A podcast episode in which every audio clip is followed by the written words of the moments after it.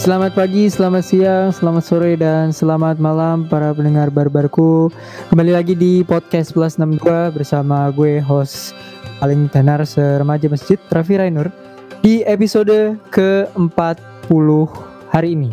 Jadi uh, terima kasih yang udah dengerin uh, dari episode-episode sebelumnya. Jangan lupa untuk dengerin episode 39 judulnya Hormati Yang Puasa ya itu bisa dicek sendiri uh, apa isinya. Ya rata-rata sih konten tentang puasa dan uh, hal-hal penuh kebaikan.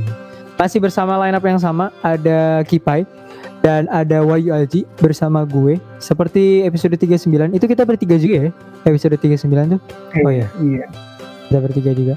Uh, ini udah malam ke 27 di bulan Ramadan. Uh, initially masih mau upload di rentang waktu-waktu Ramadan sampai Lebaran. So ini masih adalah episode yang suci ya. Uh, gimana puasa lu, Pak?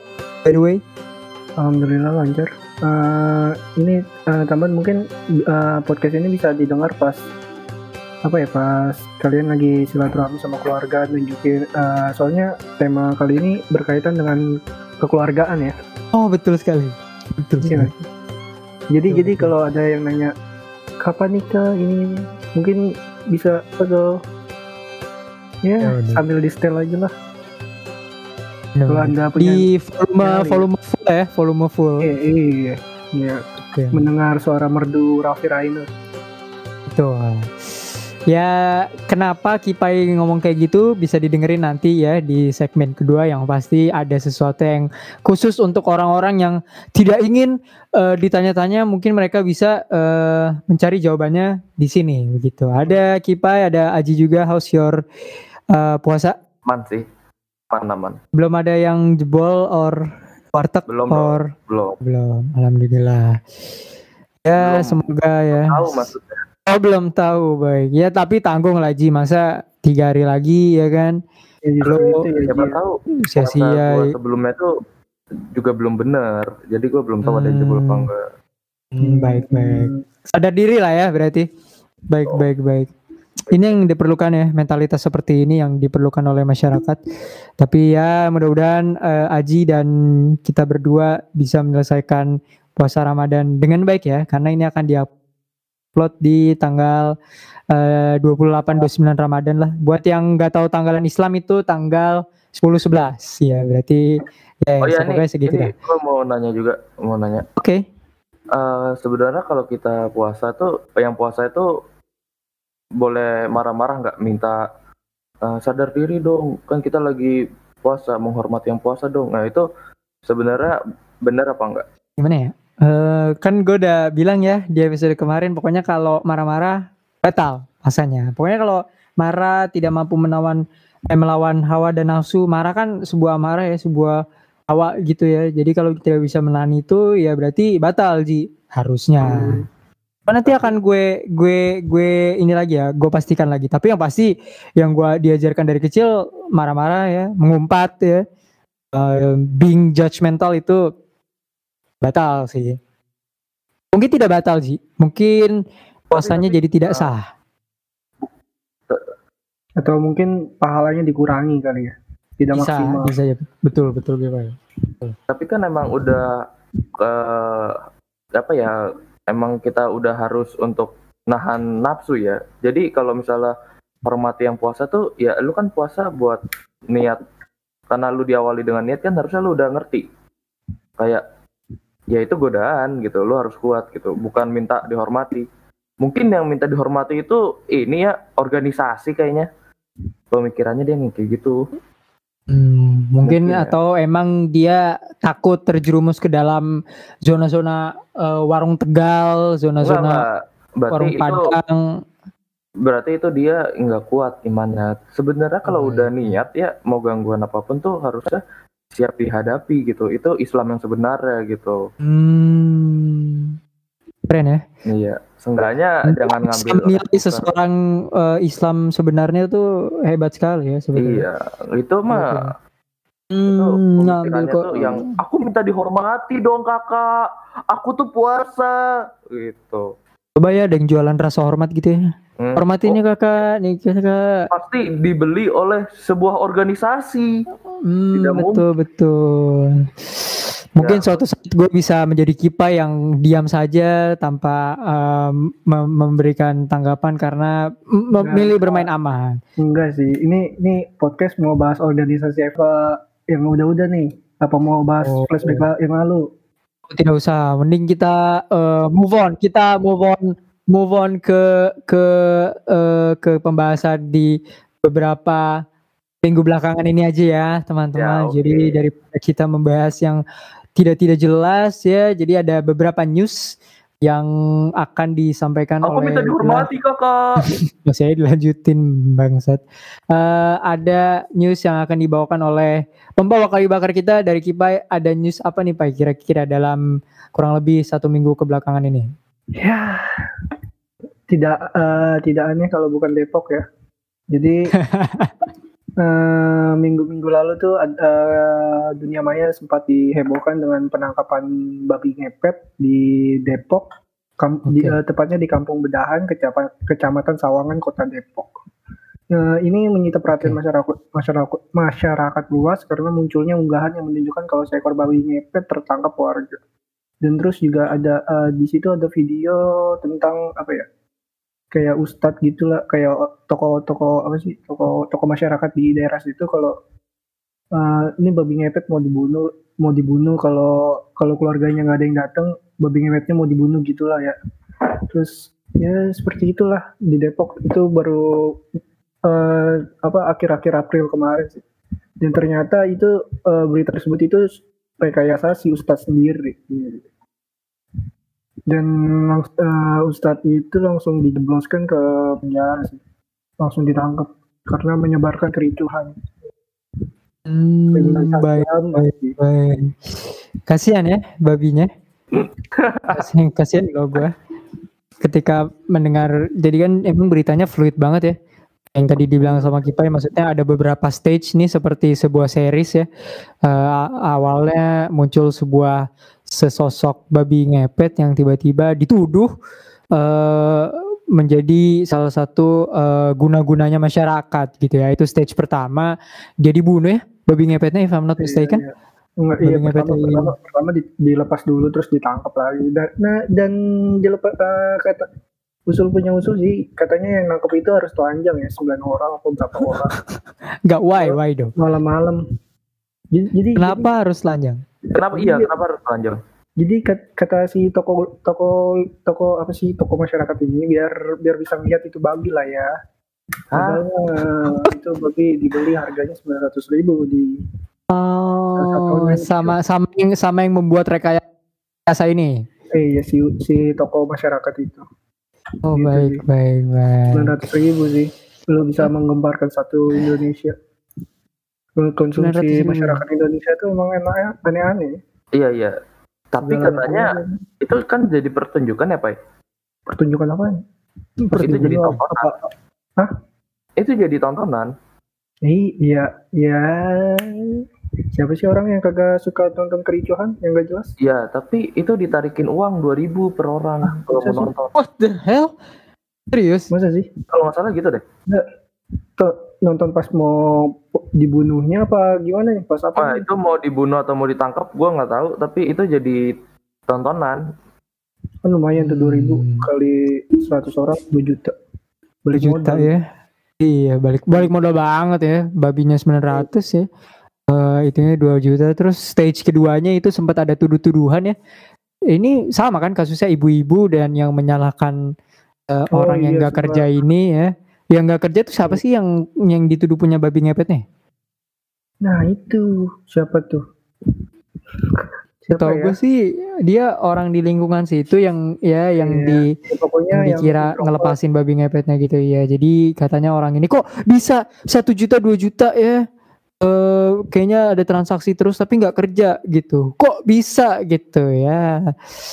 Sebuah pertanyaan retoris ya Eh, sebenarnya. ya, mungkin langsung sebut namanya aja kali. Atau gue bacain. Tapi nanti tuh pasti ada ini ada omongan dari masyarakat kenapa tokoh agama ditangkap dan dimasukkan penjara. Pasti nanti ada gitu. Well, menurut gue ini obvious sih. Maksudnya nggak perlu ada pertanyaan lagi kenapa dia dijebloskan karena ya gimana ya ini sangat konyol menurut gue uh, rekayasa ini maksudnya iya gue tahu. Makanya uh, kan motifnya dia melakukan ini pertama ya jelas untuk mengambil atensi masyarakat lah. Itu itu udah paling jelas banget. Um, emang ya susah sih ya. Akhirnya dia uh, mengaku ya setelah geger ya. Uh, dia mengaku dan ya babi dibeli ini seharga 900 dikirim tengah malam. Untuk mengundang kecurigaan gitulah. Kok ada babi sih malam-malam? Yeah. Terus uh, pakai nyebar nyebar apa fakta aneh kalau ini babi makin lama makin kecil. Dan kalau kalau takutnya makin lama makin kecil hilang jadi harus dibunuh gitu. Terus juga apa ya uh, ada orang yang apa ya masih punya pemikiran kalau apa ya di era di zaman di, tahun 2021 ini ada orang pesu apa nggak pernah keluar gitu. Maksud, maksud apa ya nggak pernah keluar tapi duitnya banyak gitu dan dia bangga uh, ngomong gitu kayak se seolah-olah dia paling si paling tahu gitu ya namanya tuh Ibu Wati uh, yang pengen gue tanyain adalah Ji kenapa um, di era sekarang kayak kata Kipai tadi masih iya. ada ya. yang percaya terhadap hal-hal seperti ini gitu hal-hal superstitious seperti gini supernatural or anything else gitu uh, kenapa mereka masih menganggap bahwa urban legend ini kan babi ngepet selalu menjadi urban legend ya di Indonesia. Um, so gitu kenapa orang-orang masih berpikir seperti itu gitu? Kenapa? Yang satu itu dari uh, dari omongan warga ya. Biasanya tuh warga tuh lebih suka dengar omongan tetangga. Dari mulut ke mulut aja gitu. Dan itu dipercaya. Hmm. yang kedua tuh kurang pendidikan sih. Hmm. Berarti pendidikan kita tuh masih jelek. Mungkin mungkin ini sih gue uh, gue bisa nambahin kalau apa ya masyarakat kita tuh masih uh, pengen nerima sesuatu yang lebih gampang dicerna ketimbang yang sulit dicerna. Karena ya balik lagi itu uh, ke pendidikan sih. Kayak orang nggak pernah keluar rumah tapi duitnya banyak kan. Kayak boomer-boomer uh, jama, uh, boomer-boomer itu kan nggak tahu kalau sekarang tuh ada yang namanya main saham ini itu itu bla bla bla. Hmm. mereka cuman taunya ya urban urban legend urban legend itu sendiri gitu itu kali kebanyakan sih hmm. itu kayak iya ya kayak benar kata kita boomer gitu orang-orang tua yang nggak mau belajar biasanya hmm. yang ah, cuma iya. pengennya nonton drama eh, sinetron ah. nggak ah. jelas Nah, tapi pengen kelihatan gaul. Nah, gitu. pengen, pengen pengen kelihatan paling bener gitu dengan iya. dengan, dengan membuang apa menebar fakta. Jadi ntar kalau misalnya bener, oh iya bener yang katanya Ibu Wati kemarin yang tapi kalau salah ya main salah-salahan. Itu sih. Sof, ah, saya dengar um, dari Kipai kok. Karena yeah. babi ngepet ini selalu diasosiasikan kepada kekayaan yang haram gak sih? Maksudnya yeah. uh, kayak all of a sudden orang itu jadi hebat ya, orang itu jadi kaya, orang itu jadi punya duit banyak karena babi ngepet gitu. Which buat gue kalau pribadi sih that there was an absurd take ya karena um, ya regardless adanya atau tidak yang tidak ingin gue percaya juga maksudnya berarti biasanya digunain untuk apa sih apakah dia uh, mencuri uang-uang atau okay. atau apa kalian pernah tahu nggak Ya, iya sih. Kebanyakan untuk mencari apa uh, mencuri uang sih. Sama sama halnya kayak tuyul juga sih. Cuman kalau tuyul tuh dia hmm. ya kalau tuyul itu uh, jatuh jatuhnya kita pelihara. Iya, babi ngepet itu kita maksudnya orang yang jadi babi ngepet, bukan iya. bukan oh baik baik baik. Dia tuh nggak kelihatan nama mata gitu. oh. gitu. Mata panjang tuh nggak kelihatan. Okay bukan yang berbentuk babi gitu enggak oh, oh makanya hmm. makanya yang orang mau nangkap itu disuruh telanjang dulu nah, itu, itu enggak, gak tahu itu, itu enggak tahu. sih. Itu akal-akalan si tokoh tadi. Oh. yang lihat orang bugil. Oh. puasa kok bugil? Oke oke. Aneh juga ya masih masih ada yang percaya hal-hal seperti itu. Maksudnya um... yang bego tuh orang yang telanjang itu ngapain telanjang ya? ngapain? Yang bego kan orangnya itu. Ya toko tokohnya yang tadi itu ya udah aneh ya dan masih dipercaya yeah. gitu kan yang bego berarti orang yang telanjang yang menangkap. Oh iya nih, sepertinya kita harus buka baju biar lihat bayi Iya. itu babi ngepet apa bukan? Yuk kita dengarkan dia kata dia harus buka baju ah masa sih buka baju salah kamu kamu denger buka celana dalam kali bukan buka baju Dames, dames. Tapi ya, ya begitulah uniknya. Tapi eh, yang pengen gue kasihanin justru sebenarnya babi yang dibunuhnya itu. I mean, dia kan tidak Iya, tidak salah apa I mean, gitu. kan gitu. Iya, Hewan gitu, lu nggak nggak nggak tahu apa yang diutus gitu ya Iya, oleh jangan- manusia kepada lu gitu. gara-gara dia haram terus lo benci. Nah, itu dia, itu salah satu hal yang menurut gue agak aneh ya. Maksudnya, kayak why do? eh, misalnya Apa harus dibunuh gitu? Iya misalnya mbak kita nggak boleh makan babi karena haram. Terus kita eh, nggak suka jadi nggak suka babi. Ah itu babi tuh haram haram. Lah gua kalau makan dagingnya Rainur juga haram anjing. Berarti gua Bener. harus ini dong kalau oh Rainur haram kamu haram gitu bener. Masa dibunuh, bunuh habis itu dibunuh kan enggak juga gitu. Maksudnya dia kan tetap hewan regardless apa yang lu anut gitu ya kepercayaan lu anut, dia tetap hewan gitu. Babi lives matter man, babi lives matter gitu. BLM, BLM. BLM man, BLM. Babi lives matter gitu. Eh jangan nyawa se- sebuah hewan ya seperti babi ini jadi korban atas kegoblokan lu gitu, jangan. Ki- ki- Kita Pak, kita harus punya hak di dalam diri kita sih. Betul. Harusnya Hak asasi hewan. hak asasi hewan ya. Eh, tapi itu tidak berlaku kepada orang-orang ini termasuk yang sudah dimention tadi ada orang yang dua orang nyeleneh yaitu Buati dan Ustadz. seorang pemuka agama berinisial AI ya, artificial intelligence mungkin dia, tapi nggak tahu juga dia itu seperti apa. Eh Buati ini kan akhirnya diusir dari rumah ya.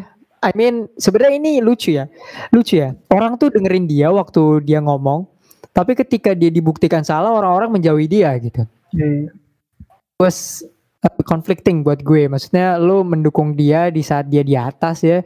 Ketika dia turun lu tidak mendukung juga gitu. Harusnya didukung buat itu. Tetap dinaik-naikkan gitu. Eh, Diusir mah ya. diusir. Iya sih. Cuman kasihan ya gue sebenarnya sama Buati. Cuman dia mulutnya lemes juga sih. Hah? Iya. Dia juga dapat bully-bulian ya. Tapi menurut gue itu udah sanksi yang paling pantas sih buat dia. Pas Eh, sekali, Pak. Sekali. Pas sekali. Ya eh, iya maksudnya eh, kan eh, kebanyakan di negeri kita sekarang ini kalau ada buat kericuan bla bla bla dimasukin penjara ini itu. Tapi kalau yang ini lebih lebih pas aja gitu, ngerti nggak? Hmm, Bener-bener.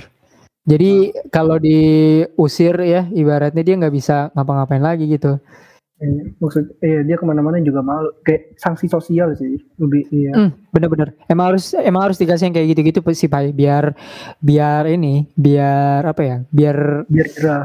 biar Efek gitu. jerah. Karena kalau cuman sanksi yang biasa kita ini, yang biasa kita berikan gitu, misalnya eh, denda atau apa pun itu ya bisa gampang gitu. Tapi kalau sanksi sosial tuh kadang eh, menusuk ke dalam lubuk hati gitu. Iya. Iya. Jadi kan dia kehilangan circle-circle obrolannya dong kalau dia diusir dong. Circle circle ibu-ibu apa yang beli di tukang sayur. Sayur, heeh. Iya hilang. Nanti dia bikin Iya. circle baru belum tentu menerima kan susah gitu ya kan. Iya, mudah-mudahan Buati bisa menemukan circle-nya lagi ya. Iya, amin, Asal, amin. ya, circle-circle-nya yang aman-aman aja ya Buati gitu. Takutnya eh, circle-circle-nya sama busuknya kayak yang kemarin ya. Tapi eh, kalian nggak tahu ya dia diusir ke mana gitu? Apakah ke desa sebelah Iya. atau Enggak, enggak. Nggak ada info desa lanjutan. desa pasir atau desa hujan? Nah, gua enggak tahu. Konoha. Gakure.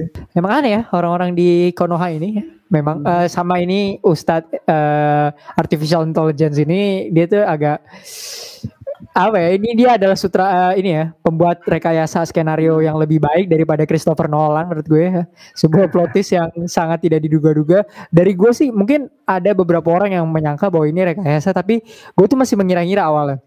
Cerita ini tuh akan berakhir di mana?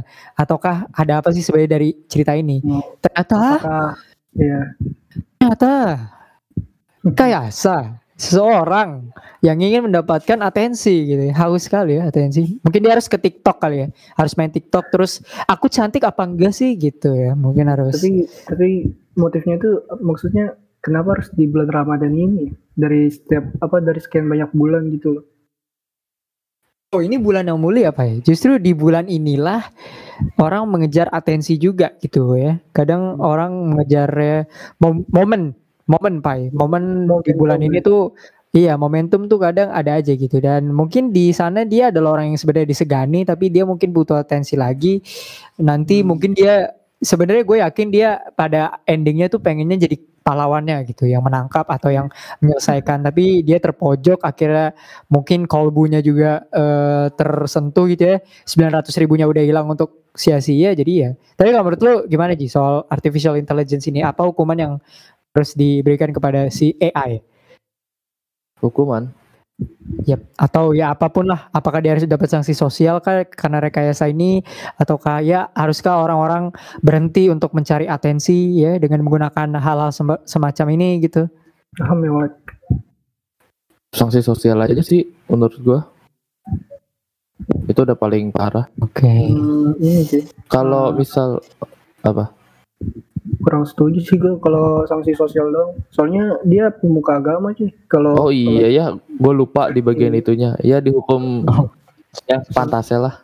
Yang Hmm, di penjara 10 tahun ada em, apa kejahatannya itu penipuan Hmm, itu sih. tapi tapi nggak 10 tahun juga sih. Loh, efek jerah. Kalau nggak 10 tahun, Maksudnya koruptor masih cuma dua tahun doang sih. Jadi ya em, menurut gue si AI ini punya potensi sih untuk eh, syuting Now You See Me ketiga kayaknya. Karena dia Nah, rekayasa. Karena kan Oh. Now You See Me kan eh, rekayasa juga kan. Maksudnya mata ya pe- penipuan masal juga. Dia juga gitu penipuan pemikiran gitu. Penipuan penipuan pikiran. Jadi dia kayaknya bagus sih. Untuk satu frame bersama Jesse Eisenberg mungkin ya. But uh, ya again babi lives matter ya mungkin itu judulnya di episode ini I don't know. Uh, jadi ya that's it dari uh, per babi-babian ya karena ya babi ngepet itu sebenarnya yang kayak kata kalian tadi ya itu ada di manusia itu sendiri ya. Babi ngepet itu Hmm. kadang yang uh, utang belum dibayar ya, atau yang suka ngomongin orang-orang ya itu that's that's the real definition of babi ngepet. Uh, move on ke berita kedua ada ada ada apa nih Pai? Ah, ini deh. Sebenarnya gue kurang ngikutin, tapi ini ah, ada kejadian aneh dan bikin gemes ya. Gue bacain berita da- eh, artikel dari artikel berita dari liputan6.com yaitu viral warga kena marah saat sholat pakai masker di Masjid Bekasi. Ya. waduh Sebuah video viral di sosial media menunjukkan seorang warga yang sedang dimarahi sekelompok orang lantaran mengenakan masker saat melaksanakan ibadah sholat di Masjid Al-Amanah, Be- Medan Satria, Bekasi Kota. Eh, d- tadi di Depok, sekarang geser di, di. Bekasi. Nah, ini juga nih Emang emang emang emang emang luar luar Jakarta selain Tangerang itu aneh sih. Tapi kayaknya Tangerang juga lu- udah mulai lumayan aneh. sih. Jadi itu ada satu orang bapak-bapak lagi sholat lagi berdoa gitu loh. Eh, pakai masker terus di disamperin sama dua orang pemuda kayak merebut gitu atau warga situ gue kurang tahu disuruh lepas masker katanya apa ya dosa ya atau haram gitu. Lupa gue pokoknya seperti itu dan harus dicopot. Terus si bapak ini uh, membantah saya saya ikuti aturan pemerintah pak bla bla bla bla bla. Uh, terus uh, si apa dua orang pemuda ini dengan lantang oh tidak bisa? Ini tuh uh, ini tuh dilarang agama sholat pakai masker gitu gitu Tapi Pai, tapi gini Pai. Se- Sebenarnya tuh mereka tuh ngelarang tuh gini Pai. apa tuh Karena masker sendiri itu punya makna lain, apa punya artian lain. apa tuh Ji apa tuh Ji Mas itu aku, ker itu Yahudi gitu. Aku Yahudi. Jadi emang nggak boleh Pai.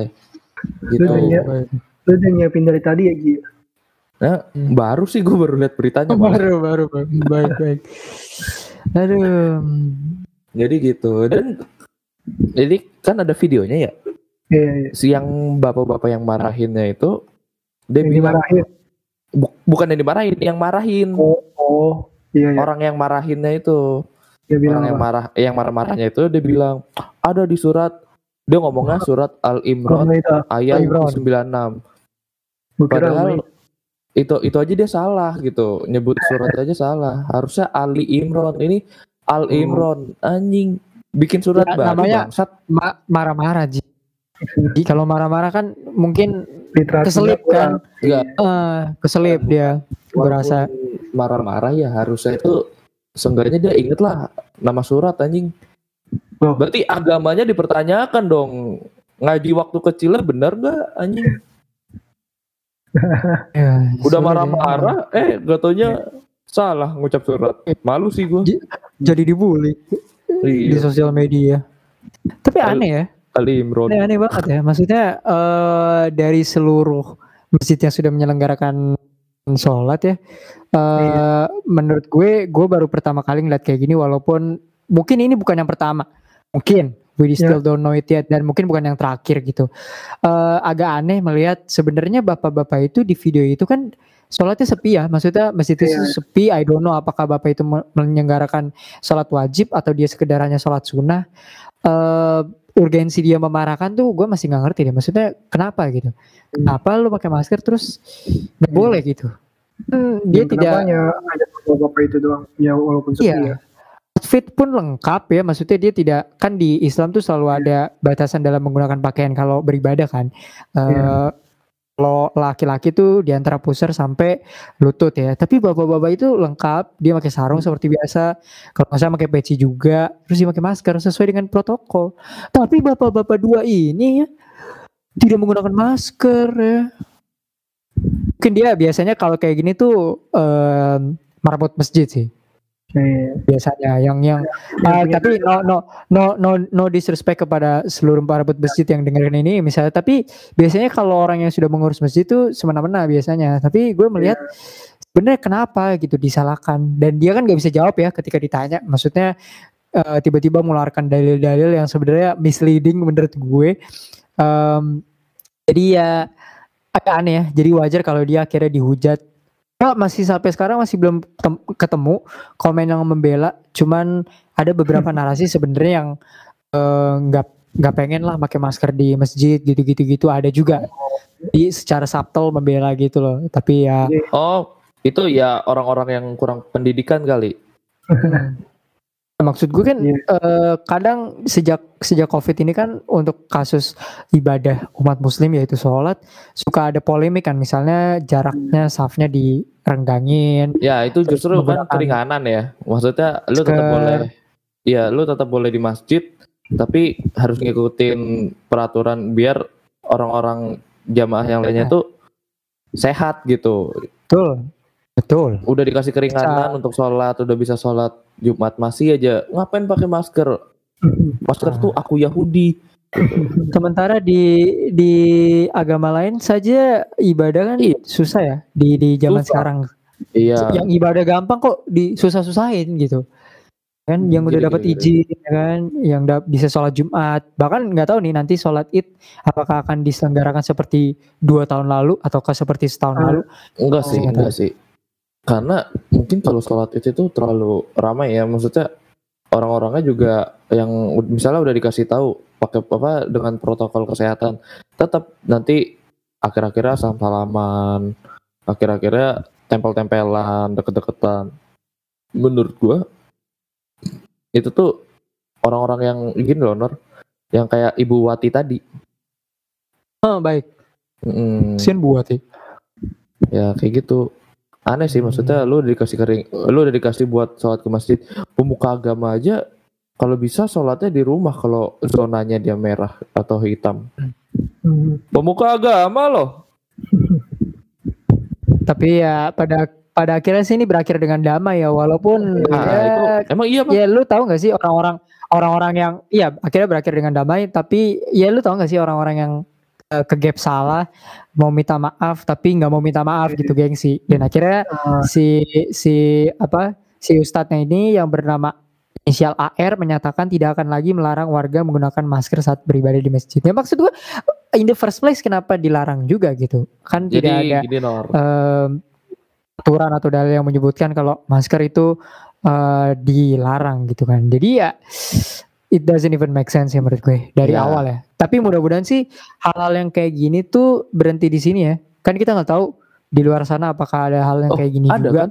atau enggak ini kan yang kayak expose ini kan yang kayak expose kita kan nggak tahu gue sih nggak tahu ya ini pertama kali gue ngeliat kayak gini secara eh, marah-marahnya dan segala Ada, macam ada. yang agak-agak Ada ada lagi ada lagi. agak-agak suram gitu Ada lagi Gimana tuh? yang Gimana, dia yang dia tuh ustadz. Jadi dia bilang eh, masker itu nutupin senyumnya umat muslim. oh ya I know this one Nah, Iya, iya. Itu itu aneh sih menurut gua. Pengen tenar ya itu itu aja sih. Hmm, baik baik ada kelanjutan nggak pak dari kasus ini Ya itu sih eh, dua orang itu akhirnya kan eh, untuk menyudahi ya pemerintah kita tuh untuk menyudahi sebuah masalah duduk perkara. Jadi Tunggu tunggu tunggu.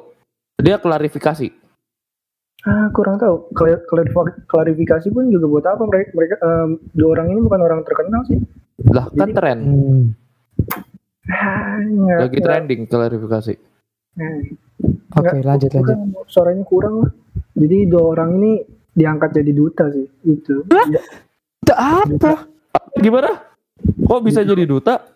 Duta Iya. masker? Eh, iya duta protokol kesehatan. Oh, hebat sekali ya. Eh, itu itu Aduh. itu, itu, itu diesel loh, bukan sih? Iya nggak sih? Duta masker.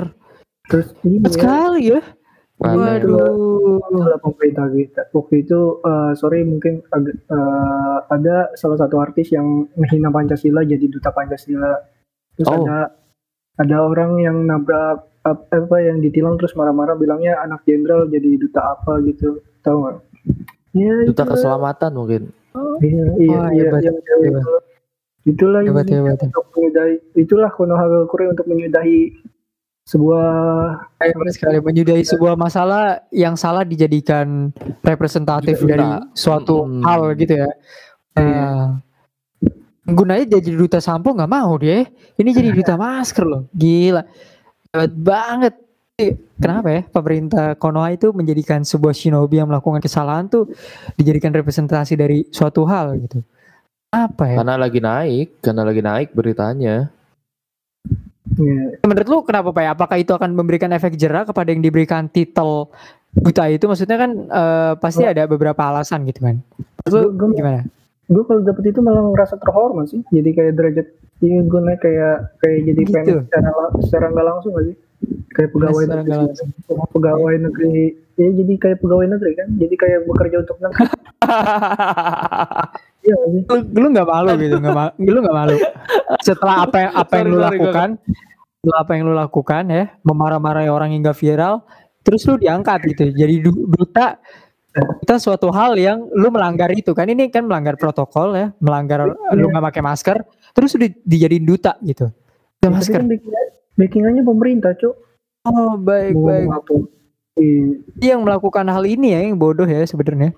Eh, ya, ya, ya, seperti itu tanggapan gue kalau diangkat jadi duta. Tapi tapi kalau Oh. sebisa mungkin ya gue ya jangan ngelakuin hal-hal bodoh kayak gini lah ya. Walaupun- Sebisa mungkin. Iya. Oke. Kalau lu Ji, misalnya lu eh, Hmm, mudik, kenapa? lu mudik nih Ji ya kan? Mm. Lu disuruh putar balik, lu bersikeras, lu marah-marahin aparat. eh lu salah, terus lu direkam, terus lu viral ya. Mm-mm. Terus lu minta maaf Ji. Terus lu diangkat jadi duta mudik gitu. Feeling lu gimana Ji? Boleh, Perasaan boleh. lu gimana? Eh, Perasaan gue seneng sih, bangga sama orang tua gue yang udah ngajarin gue sampai sekarang. Bangga banget gue. Wah orang tua aku mengajarkan ini berarti punya tujuan yang baik. Aku diangkat jadi duta gitu. Tapi berhubung soal penyekatan ya, lu sendiri pengen pulang kampung gak Nor? Enggak sih, gue pribadi ya. Gue pribadi karena ya gue memang sudah lama di sini. Ya mungkin kita juga bisa setuju kalau kita udah yang udah lama di suatu tempat tuh biasanya sulit untuk berpindah tempat ya. Kecuali misalnya lu pernah tinggal di di, di tempat A ya, kampung lu terus lu ke tempat B Mungkin- mungkin lu akan kangen gitu. Tapi kalau gue Mungkin- pribadi sih enggak enggak pengen sih. Kalau gue pribadi ya. Kalau keluarga gue. Mungkin, jawabannya bisa dibikin simpel kayak gini. Eh, mudik itu kan untuk mengunjungi keluarga di kampung. Sedangkan kita nggak punya keluarga di kampung. Jadi nggak ada tujuan untuk mudik. Ada sih sebenarnya, cuman Oh, lo, oh, lo ada? Ada, gue ada, tapi Hmm. kayak pertama lagi kondisi kayak gini, ya sebenarnya gue eh, ini overuse aja sih kata-kata ini lagi kondisi begini kedua em, gue pribadi sih emang eh, keluarga gue especially jarang mudik aja sih Oh, lalu gimana Ji? Apa? Oh mau mudik? Pengen Enggak mudik sih ya? justru justru gue eh malah nggak mau gitu. Aji, Aji kalau mudik malah liburan anjing di, di Bali. Iya, kan, gue malah balik ke rumah bukan mudik gue. Nggak boleh dong kalau ke Bali Kok ke Bali? boleh dong Lu orang Bali kan? Enggak, enggak enggak. Sekarang kampung gue pindah ke Enggak. Jogja. Nama, oh nama, nama, nama asli lu I Gusti Aji kan? wah Gusti aja Itu keren sekali Itu, itu itu sudah menyangkut agama lain, jangan. tapi Jangan jangan tapi jangan. bukannya nggak apa-apa sih kalau alasannya bilang aja kalau ke Jogja liburan gitu kan nggak apa-apa Enggak, Gua gue kuliah. justru malah nggak mau ke Jogja malah. Malah gue lebih Oh. suka di rumah. oh di rumah baik Saya kan lari dari Jogja. Hmm, kalau lu Pai, Apa apaan? Apa nih? lu mau pulang kampung nggak? Atau jadi duta mudik kayak gue bilang tadi? Punya. Gue alasannya nggak punya kampung mas. Jadi Nggak punya kampung. Kesian ya, Hmm. kalau nggak punya kampung gitu ya. Tapi kan nggak apa-apa, misalnya lu mau jalan-jalan gitu selama lebaran nggak mau gitu. Iya. Enggak sih kalau kalau selama lebaran enggak soalnya kayak rame gitu kayak sumpah aja Hmm, baik baik. nggak ada alasan spesifik untuk melakukan itu Ada alasan spesifik. Ya mungkin ada beberapa orang yang rindu dengan keluarganya ya. Kita tidak bisa berpendapat apa-apa lagi ya selain sehat-sehat ya sampai lebaran dan Rindu lain-lain. itu gimana maksudnya peluk-pelukan gitu? Oh, oh, kan ada yang ibunya di Ah, kampung, ada yang ini. Gini. Ya Zaman- begitu aja. Zaman sekarang Sesuatu, sesuatu, sesuatu yang tidak lu pahami udah tidak usah berbicara. tidak lu tidak paham arti jauh dari orang tua. Jadi Gini. tidak usah. Kayak Tidak usah begini, begini, begini. Gua udah dua tahun jauh dari orang tua gitu kan. Orang tua gua di Surabaya, Jogja, duanya di sini gitu. Terus Oh. kalau lu kangen kan bisa buka laptop, buka HP, nyalain Zoom atau video call WhatsApp kan ketemu ngeliat mukanya gitu. Maksudnya gimana dengan rindu ini? Maksudnya gimana? Gue masih nggak ngerti arti kata ke- rindu.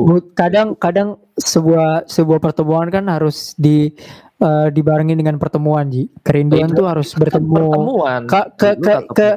Ke kedekatan, keintiman seseorang tuh berbeda Ji kadang. bener Tep- susah tapi Bang. ya- susah susah Ya sudah. Iya betul betul susah. susah ngomong sama orang broken home nur Iya, nur yang yang biasanya Iya, iya Yang itu biasa- karena gue gue yang tidak diajarkan kerinduan iya, dari yang kecil. biasa dari kecil itu Oh, sama baik, dia, baik, baik. Karena Rindu, susah. apa itu rindu? Kayak Ah, betul kayak betul. lu kan dari video call bisa gitu, gak Hmm, harus betul, lu betul. rela lu ke kampung, nggak taunya lu carrier, ntar penyakitan dijauhi oleh masyarakat nggak terima. Pagi itu Betul, sebenarnya peduli nur betul, cuman betul. dia mengemas itu dengan hal yang berbeda aja sih Besarkan seperti Uchiha ya berarti. Baik Iya. baik. Baik baik. Oke, eh, itulah dua berita ya. Mungkin ada sebenarnya kita daripada ngomongin berita-berita yang nggak jelas ya, berita-berita yang menimbulkan kontroversi, kontroversi ya seperti tadi ada Ustadz artificial intelligence, ada lagi eh, orang yang jadi duta masker tapi tidak pernah menggunakan masker ya itu kan sebuah eh, berita-berita yang takutnya misleading. Mungkin dari Bapak Haji nih, eh, kan Bapak Kipa ini eh, penebar kayu bakar ya, penebar berita-berita kebencian. mungkin ada berita yang lebih terang suasananya. Mungkin adakah berita yang? Sebenarnya yang yang yang yang gemerlap gemerlap kota gitu loh. Jangan Oh, yang oke oke oke. eh, Eh, iya, gitu. sebenarnya itu gini ya. eh buka ini sebenarnya bukan berita yang eh, terang tapi eh, ada tren baru ya. Beli uang mata uang digital. Oh baik. Karena vibe kota-kota jadi saya akan membahasnya eh, di luar berita saja dah. Nah, Oke. jadi itu ada ke cryptocurrency yang gambarnya tuh anjing gitu. Oh sudah babi ya sekarang anjing. anjing ya. dan karena gimana ya mungkin karena Papa Elon ya Papa Papa Elon Elon. sedang membeli eh, cryptocurrency itu jadi naik gitu loh dan Oke. jadi naik iya yang awalnya cuma 700 perak sekarang bisa jadi 10.000 ribu gitu dan banyak orang tuh yang apa ya namanya ya eh, ketipu mungkin ya. Apa dia eh, dia dia nggak tahu tapi dia terjun apa bahasanya? Hmm, baik-baik blank blank gitu ya. Kayak Iya. nggak ada nggak ada blueprintnya untuk untuk masuk ke dalam situ ya. yang dia, dia ngikutin gitu. apa yang lagi tren aja sih gitu. Ah, iya itu FOMO, ya. FOMO, fear Oh, of apa? missing out itu, FOMO, FOMO. Oh, FOMO, ya. Kok takut ketinggalan hal-hal yang lagi tren, Hal-hal jadi lagi lo ikut ikut trending. aja pokoknya. Dan Iya. orang-orang apa? Iya, Ah, kayak FOMO. Berarti FOMO itu dia tuh gini Nor. Dia ngikutin tren, dia tuh mempertaruhkan semua tabungannya dia ke situ gitu. hmm, Iya. bahkan bahkan ada yang lebih lucu lagi sih. Betul pak. Jadi jadi ada orang yang um, beli saham lah ya, tapi pakai uang pinjaman pinjaman online. Bagaimana ceritanya? Main saham saja harus pakai uang mati. Kenapa dia pakai uang pinjaman? Nah, itulah ada adalah oknum-oknum seperti itu. Memang Terus endingnya apa yang terjadi kepada dia? ya mungkin udah tidak punya rumah. Oh, Oke baik. Eh, Seperti itu. balik ke cryptocurrency menurut lo ini kita akan bahas nanti mungkin di episode mendatang tapi eh, seberapa potensial sih cryptocurrency ini ke depannya sih Haram, Bagus sih kalau menurut gue. Bakal bagus sih. haram. parah hmm, baik baik baik baik. Ya Tapi- jadi tapi- polemik ya? tapi iya tapi ada yang gue sempat baca-baca berita eh, yang udah-udah. Ada yang sempat menyesal sih karena apa ya un- eh, crypto cryptocurrency ini tidak tidak cepat dibikin undang-undangnya. Soalnya eh, perkiraan data tahun ini eh, transaksi keluar masuk cryptocurrency itu bisa sampai 1,7 triliun untuk tahun ini aja ya. Dan itu kalau dipajakin ya bisa cuan untuk pemerintah ya itu Iya. oke jadi harus ada regulasi lebih lanjut tentang itu ya Em, harus ada regulasi sih cuman Oke, ini ini kita sebagai orang kota yang punya agama, gue mau nanya, oh, cryptocurrency itu haram atau tidak? Eh, ini kan gue gue perlu riset jadi I'm gonna go brief. Jadi sebenarnya cryptocurrency ini kan hal yang bisa dibilang jatuhnya gambling ya. Iya, Eh, ini kan seperti bertaruh gitu kepada sesuatu yang tidak ada sebenarnya atau hal yang sebenarnya tidak pasti. Oke. Em, yang naik turun yang fluid gitu eh, jatuhnya gambling tetap so menurut gue categorize as haram kalau sesuai muslim Oke. tapi gue harus gue harus mengkaji ini karena gue pribadi tentang per cryptocurrencyan ini gue sangat awam sekali makanya gue akan menyiapkan satu episode khusus di mana mungkin kita akan bahas tentang ya koin anjing ini dan, Dan lainnya ya. eh, apa namanya cryptocurrency dan lainnya tapi melihat dari koinnya yang berbentuk anjing saja itu sudah sudah haram sekali Oh, Bapak Haji Gitu ya. koinnya namanya dog Oh iya. Kenapa nggak namanya camel coin gitu? Kenapa namanya tidak eh, bird bird bird coin gitu, burung? Oh, nggak tahu. gua. Jadi tidak ada hewan lain. Apakah yang bisa dijadikan maskot sama gitu ya? Jadi Itu menurut saya sih Koin itu kan dari ini- meme. Koin dots ini dari hmm, meme awalnya. Dari meme. Oh, jadi koin gitu. Tapi kan orang kadang tidak perlu tahu eh, backgroundnya. Saya tahunya itu anjing. Balik dari ke pertanyaan lo sih, menurut gue sejauh ini yang gue tahu sih iya. Menurut gue yang sejauh ini. Makanya nanti kita akan bahas lebih lanjutnya. Again karena menurut gue perbincangan atau narasi atau diskusi tentang cryptocurrency ini kan baru naik sekitar as early as 2018 di Indonesia. Ya. So masih sekitar baru lah ini seumur jagung ya tiga tahun. So untuk episode nanti kita benar-benar harus mengkaji lebih dalam dan kemungkinan kita akan well nggak tahu ya kalau bisa ngundang orang yang uh, sudah berpengalaman karena kan ini sangat banget mungkin di antara kita bertiga. So uh, itulah dari news di episode hari ini ya. Bisa komen di plus 62 ID apakah babi juga perlu mendapatkan keadilan ya? Apakah tidak apa-apa menjadi sebuah duta jika membuat kesalahan ya? Ataukah cryptocurrency akan menjadi sebuah mata uang uh, di masa depan just comment down below yang pasti sih Elon Musk is the goat ya in everything he did ya. Kayaknya dia adalah uh, chick magnet ya. Kayaknya semua semua cewek itu akan otomatis uh, melihat dia karena he got everything ya. He got Tesla he got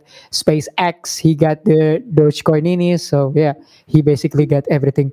Um, kita move on ke segmen kedua yang akan membahas tentang tetangga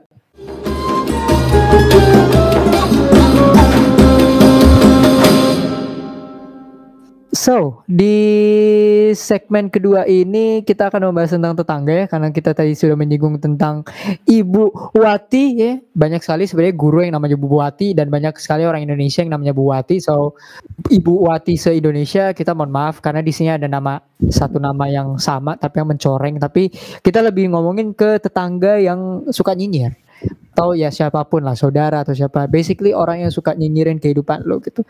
Dan kita mulai dari tetangga sih ya. Tetangga yang suka nyinyirin tetangga eh, lainnya.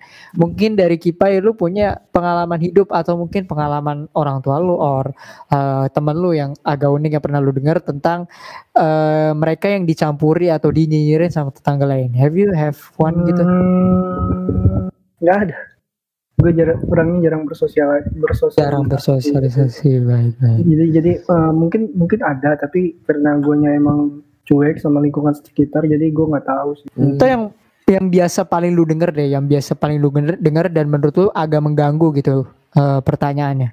Ah, ini sih mungkin karena apa rumah rumah tangganya berantem mulu ya. Pasti ini ini ini ini, ini. padahal kan itu suatu hal yang normal jika berumah tangga sebenarnya Hmm. jadi ya just jangan ikut campur urusan orang lain lah dalam kehidupan gitu sih Oke, rumah tangga yang dinyinyirin. Kalau dari lu Ji, ada nggak lu pengalaman hidup eh, dinyinyirin tetangga? Which actually lu pernah cerita deket-deket ini ya tentang perpodcastan kita. Tapi is there any stories? Tapi kalau lu misalnya mau ceritain di sini juga nggak masalah sih. Ya, yang gak usah diceritain ya, tapi ya ada kan lu juga udah tahu studio kita. Apa tuh? Kenapa tuh? Kenapa tuh? Ya nggak usah lah, itu kan ini internal, jangan dibawa keluar lagi. nggak nggak dia dia nggak bakal dengerin juga sih Loh, pendengar tidak tahu konteksnya. Ini kita harus tahu konteksnya ada apa, ada apa. Sedikit ya Nah. brief brief. Eh, desibelnya tuh melebihi 80. baik baik. Co- Jadi kalau ada kalau teguran dari tetangga gitu. Itu aja sih, ya nggak usah terlalu jelas ya. Tahu. Di situ Tapi ada nggak eh, cerita atau beberapa pertanyaan dari dari I don't know sosial media atau sebuah eh, thread di Twitter atau apa pun itu yang cukup mengganggu buat lu gitu. Pertanyaan-pertanyaan dari tetangga yang eh, kalau lu mikir kalau ditanyain ke gue ini pasti bakal ganggu banget gitu. Ada nggak? Nggak ada sih. Soalnya gue nggak pernah main Twitter. Em, hal yang menurut gue sangat ganggu adalah ketika tetangga tuh em, I don't know physical appearance itu kan suatu hal yang sangat terlihat ya dari so, dari seseorang gitu. Penampilan fisik itu hal yang utama Hmm. dilihat sama seseorang jadi wajar sebenarnya kalau lu mendapatkan kritik atau mungkin pujian dari situ. Tapi ini pasti cewek-cewek pada eh, setuju dengan gue. Kalau em, hal yang paling mengganggu adalah sebenarnya ketika lu jarang keluar rumah dan ketika lu keluar penampilan lu berbeda whether it's bigger or thinner atau apa pun itu. Apa tuh apa tuh kamu kok gendutan ya? Oh, kamu kok eh, kamu kurus banget narkoba ya gitu? Tapi, Atau enggak gini, ada basa-basi tetangga yang kalau kita keluar itu mau ke mana gitu. Mungkin kalau mungkin karena kita Iya. deket-deketan ya tetanggaan gitu sebelah rumah sebelah rumah mungkin wajar basa-basi kayak gitu. Tapi Hmm. kalau gua sendiri tuh gak suka gitu. Kayak Hmm. itu kan privasi gua gitu. ke mana Haji gitu ya Walaupun Gendutan, basa-basi Haji. ya. Walaupun gendutan. basa-basi tapi kalau gendutan kenapa Haji berlebihan berat badan kenapa ditanyain udah keep aja di hati lu wah Haji gendutan udah iya. gak usah ditanya Itu, itu dia masalahnya kadang itu udah di keep di hati tapi mulut juga ikutan ngomong gitu. Di- Kayak, dia eh, sebenarnya sebenarnya udah ngomong di hati gitu. Dia ikutan ngomong. orangnya orang yang gendut juga tanpa lu bilang dia tahu sendiri kok kalau dia gendut. Orang yang punya Iya. jerawat juga tahu kok kalau dia punya jerawat. Jadi kenapa jangan- harus ditanya gitu loh? Ya, jadi jadi memperingat apa ya sese- apa kondisi fisik seseorang itu dan itu bikin sakit hati. Gitu. Jadi sebisa mungkin ya sebisa mungkin hindari pertanyaan-pertanyaan bodoh seperti itu.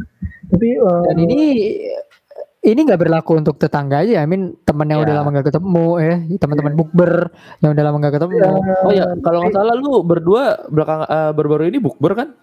Yes sir. Oh. Ada yang kayak gitu? Ada yang nanya-nanya gitu? Ya nggak ada sih, karena kan ini teman kampus ya maksudnya sering terlihat. Kalau teman SD mungkin, karena tadi ada ujangan-ujangan dari Bapak Kipai, berarti gue pengen nanya nih, kenapa itu suka banget mencampuri urusan hidup orang lain. karena mereka nggak punya kerjaan dan punya waktu yang banyak. Jadi mereka cari kerja apa urusan-urusan orang lain yang bisa mereka urusin. Gitu jadi ya apa ya kayak mereka suka berkomentar aja sama hidup orang karena mereka nggak punya kesibukan di tempat lain gitu sih Tidak ada kesibukan, mencari kesibukan lain. Tidak ada kerjaan, mencari kerjaan-kerjaan baru. Iya. Kamu dari Aji, menurut lu kenapa orang suka sekali mencampuri urusan orang lain? Orang Indonesia. Orang Konoha, uh, Shinobi Konoha. Oh, Orang Indonesia, orang Indonesia kan uh, lebih suka lebih suka bahasa basi. Iya.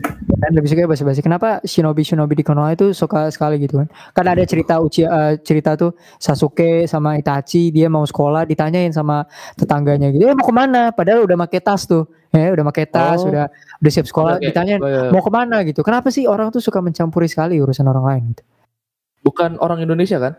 Bukan, bukan. Shinobi Konoha aja. Shinobi. Oke ya udah. Masih Kalau tanya. bukan kalau bukan Indonesia, gue jawab. oke oke Eh, karena ya tadi yang kayak kipai, kalau jawaban gue sama kayak kipai karena dia nggak punya kerjaan gitu atau nggak dia basa-basi biasanya. Basa-basi pengen Hmm. akrab. Tapi Itu sih. eh, ini mungkin jawabannya ketemu. Gue kalau misalnya ditanya, eh Rizky mau ke mana? Gue jawabnya pasti selalu ke depan sih, walaupun ya nggak nggak sebenarnya ke depan. Tapi gue kalau gue pribadi sih malah seneng ditanya begitu. Eh, maksudnya apa ya? Kayak ada yang merhatiin aja gitu. Kayak mereka mau apa ya? In charge ke gue aja gitu sih. Kan eh, maksudnya kita kan nggak tahu kehidupan orang apakah hidupnya baik-baik aja apa enggak tapi kalau dengan lu bertanya begitu mungkin itu bisa membantu mereka kayak ada masih ada loh yang merhatiin lu gitu. Oh. Tapi itu Oh. kembali ke pribadinya masing-masing sih ya. Apa kalau senang apa enggak Hmm. Hmm, berarti ada bright side-nya ya sebenarnya Iya. ditanyain seperti itu gitu tergantung dari lu nya tapi kan banyak orang juga yang agak ini ya. Sebenarnya tergantung yang nanya sih. Maksudnya lu suka sama yang nanya atau enggak? Kan kadang ada yang yang nanya tuh Iya, baik iya. sekali. Jadi lu jawab eh iya ibu. Mau ke depan dulu. Ah iya ibu. Mau ke depan nih. Mau kuliah. Ada juga kan yang yang begitu lah ya Eh, iya. bokap-bokap atau nyokap-nyokap yang begitu dah ya modelnya Gue kira, gue kira ini mau ke mana ke depan? Wah rumahnya kosong nih, masuk ke. gue kira suruh mampir dulu eh mampir pas sudah mampir beneran bingung mau ngapain ya tapi gue setuju sih sama pendapat kita yang di awal maksudnya eh, orang tuh I don't know ya suka sekali stalking suka sekali sekedar basa-basi gitu ya kalau Iya. mungkin gue pribadi tuh ya juga kadang pengen tahu gitu apa sih yang sebenarnya orang lakuin sekedar pengen tahu aja. Tapi kadang ada yang orang eh, menjadikan itu sebuah obsesi ya. Maksudnya kadang ada tetangganya yang misalnya si A dan si B ini paling gampang ya. Si A itu kan bergelimang sekali maksudnya kehidupannya selalu punya cerita gitu ya. Sementara Hmm. sama kayak kita kipai B ini sepertinya hidupnya tidak ada cerita sama sekali gitu. Jadi dia berusaha untuk menggali cerita si A ya eh, penasaran dan berusaha untuk masuk ke dalam kehidupan si A bahkan tanpa si A tahu kalau si B itu masuk ke, sudah masuk ke dalam kehidupan dia gitu jadi ya kadang orang tidak ada kerjaan ya atau mungkin kerjanya hanya gitu-gitu aja dia mencari sebuah kerjaan baru yaitu eh, masuk ke dalam iya. urusan kehidupan orang lain gitu kan seperti itu Tuh ada sokap gitu si AB ini jauh, Eh, dia sokap. Nah itu yang risih sih. Mungkin ya mungkin eh, ketika nanya tuh kita jangan sekedar misalnya gue di posisi orang nanya ketika kita bertanya kita jangan sekedar ber- bertanya aja ja- tapi kita perhatiin kondisi Nah, iya. perhatiin si orang ini eh, gimmicknya suka nggak ditanya atau gimana gitu ris dia ngerasa risihnya kan pasti kelihatan ya Eh, dari jawabannya. kelihatan pak nggak bisa. Nggak kelihatan. Pokoknya harus harus ditanya harus ditanya. Nggak nanya Bener kurang gitu ya, ya, ya, kalau gue sih gitu sih kayak Oke. misalnya jawabannya jawab kalau jawabannya jutek ya besok besok yang ditanya lagi sih Hmm. Itu Harusnya jangan sadar ya? iya sikap penolakan sih dari yang di apa yang ditanya Eh, I was wondering sebenarnya Ji menurut lu kehidupan satu individu itu berpengaruh gak sih terhadap individu lainnya? Kayak maksudnya satu individu tuh perlu tahu gak sih keadaan individu yang satunya lagi gitu? Berpengaruh gak sih Ah, kasih kehidupan gue contoh, mereka kasih gue lain? kasih gue gambaran individu yang seperti apa gitu. Eh, menurut lu kehidupan Kipa itu berpengaruh gak sih bagi kehidupan lu? Lu harus tahu gak sih kehidupan kayak Kipa itu kayak gimana? Ah, Enggak, Kalau enggak, ini boleh ambil dari ini boleh ambil dari perspektif lu, boleh diambil dari perspektif orang lain. Menurut lu, Hmm. lu perlu tahu gak sih kehidupan Kipa, kehidupan gue tuh kayak gimana? Lu perlu tahu gak sih? Pengaruh gak sih buat lu? Kalau kesehatan atau apa yang berhubungan dengan pekerja eh, pekerjaan kita yang bareng-bareng itu harus tahu. Misalnya Kipai sakit gitu, Oh. nggak bisa Enggak, rekaman. Nah itu kita harus Oh. tahu. Kecuali kalau misalnya udah sampai jauh eh, Kipai kerja apa, Kipai ngapain aja itu udah enggak sih. Kalau Kipai punya pacar, tahu lu perlu perlu tahu juga nggak? Enggak anjir yang pacaran dia ngapa gua harus tahu? Hmm. cocok Kecuali kalau pacarnya dia kakak temen gua. Nah, itu gua harus tahu. Oh, bisa ya seperti itu ya. Bisa, itu gua harus Hmm. tahu gitu. Harus Nanti ntar lagi temen gue jadi ipar. baik, baik, baik, baik.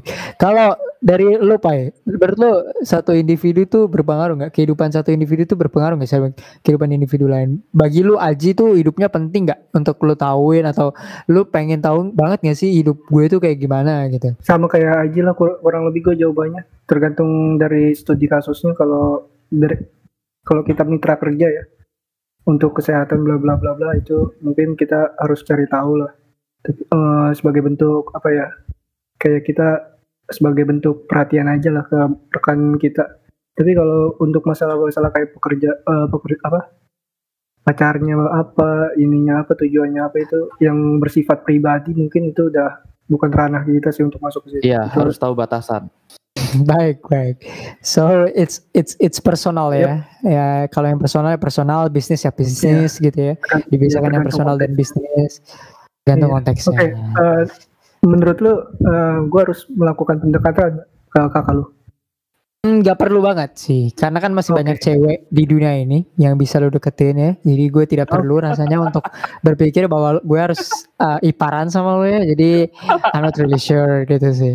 Karena gue Oke. takutnya lo akan mencampuri kehidupan gue juga gitu sih. Ya. Ya, intinya Nah, tahu gitu batasan sih. Betul, Ah, betul tahu batasan. Kalau sesama gua- kalau sesama teman tuh nggak usah lah kakaknya atau adiknya tuh dideket-deketin tuh nggak usah.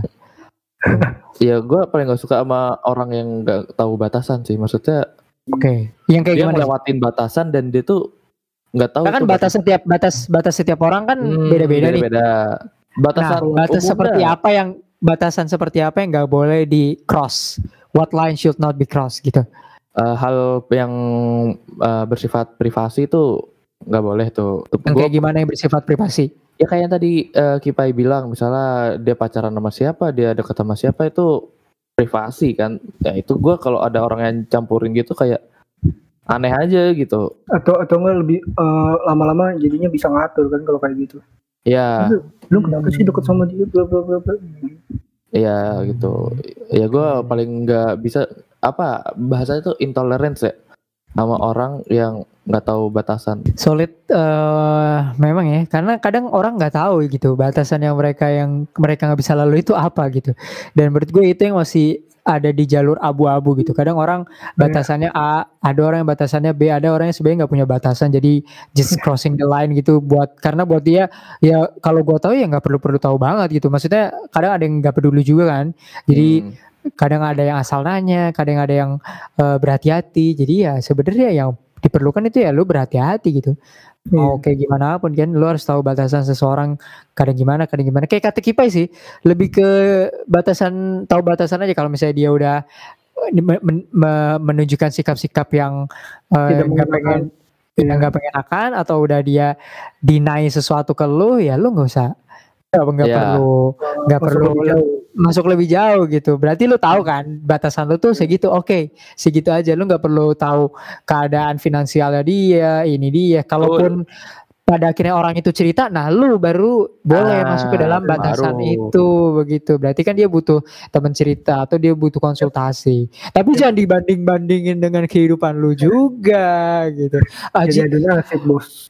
gaji gue cuma sejuta nih, lalu mending sejuta, gua gope gitu. Kan ada aja ada, Ada aja. aja. ada aja. Aji eh, istri gua nggak hamil-hamil. Lu mending punya istri gua enggak gitu. Istri lu mending buat gua kan enggak jangan. Jangan dong, kalau istri jangan dong. membanding-bandingkan masalah. Kalau lu udah di- dikasih kepercayaan untuk di eh, batasannya semakin jauh gitu lu udah dianggap teman dan lain-lain dia s- eh, gunakan kepercayaan itu dengan baik sih Iya. itu yang, yang yang yang yang paling penting itu amanah seperti tadi ya kata eh, di news tadi kan ada masjid al amanah ya jadi lo harus amanah. Oke, jangan sampai lu nggak amanah gitu. Iya. Oke, em, any last word guys sebelum gue menutup episode ini mungkin. paling be batasan itu lu harus ngerti batasan udah itu aja sih Sir. Oke, eh that's it dari episode 40 yang cukup deep ya menurut gue ya ini sebuah pembahasan yang jarang kita bahas. So mudah-mudahan kita akan membahas hal-hal seperti ini lagi. Eh sampai ketemu lagi di episode 41 yang rencananya akan dirilis satu minggu setelah lebaran. Jadi ketika podcast ini yang naik eh, tanggal 10 berarti kita tidak akan rekaman sampai lebaran. So Yep. eh, on the behalf of podcast plus 62 gue pengen bilang eh, mohon maaf lahir dan batin nih. Mungkin ada eh, statement-statement kita barusan yang menyakiti hati para pendengar. Ya itu pun kalau ada yang dengerin. Jadi kita minta maaf dulu. Terutama mungkin Wahyu aja yang perlu minta maaf lebih banyak ya di episode ini Iya. karena mungkin banyak banyak menyakiti beberapa pihak ya, beberapa organisasi seperti Akatsuki ya atau organisasi ya lain ya. organisasi ya kayaknya gue harus minta maaf sih karena Hmm. terlalu banyak ngomongin mereka atau enggak gue minta persetujuan buat ngomongin mereka lagi gitu Bisa sih. Ke depannya lu ju- justru jadi dutanya mereka nanti. iya gue jadi brand Ah. ambassador mungkin BA baik baik. Oke, so that's it dari episode 40 kemungkinan besar kita akan bahas tentang cryptocurrency di episode ke-41 or maybe kita akan adakan beberapa diskusi tentang eh sebenarnya mata uang apa yang cocok ya ke depannya digital or non digital. So see you again di episode ke-41 bareng gue Raffi Nur, ada Kipai dan ada Wayaji. Sampai ketemu lagi di episode selanjutnya. Wassalamualaikum warahmatullahi wabarakatuh.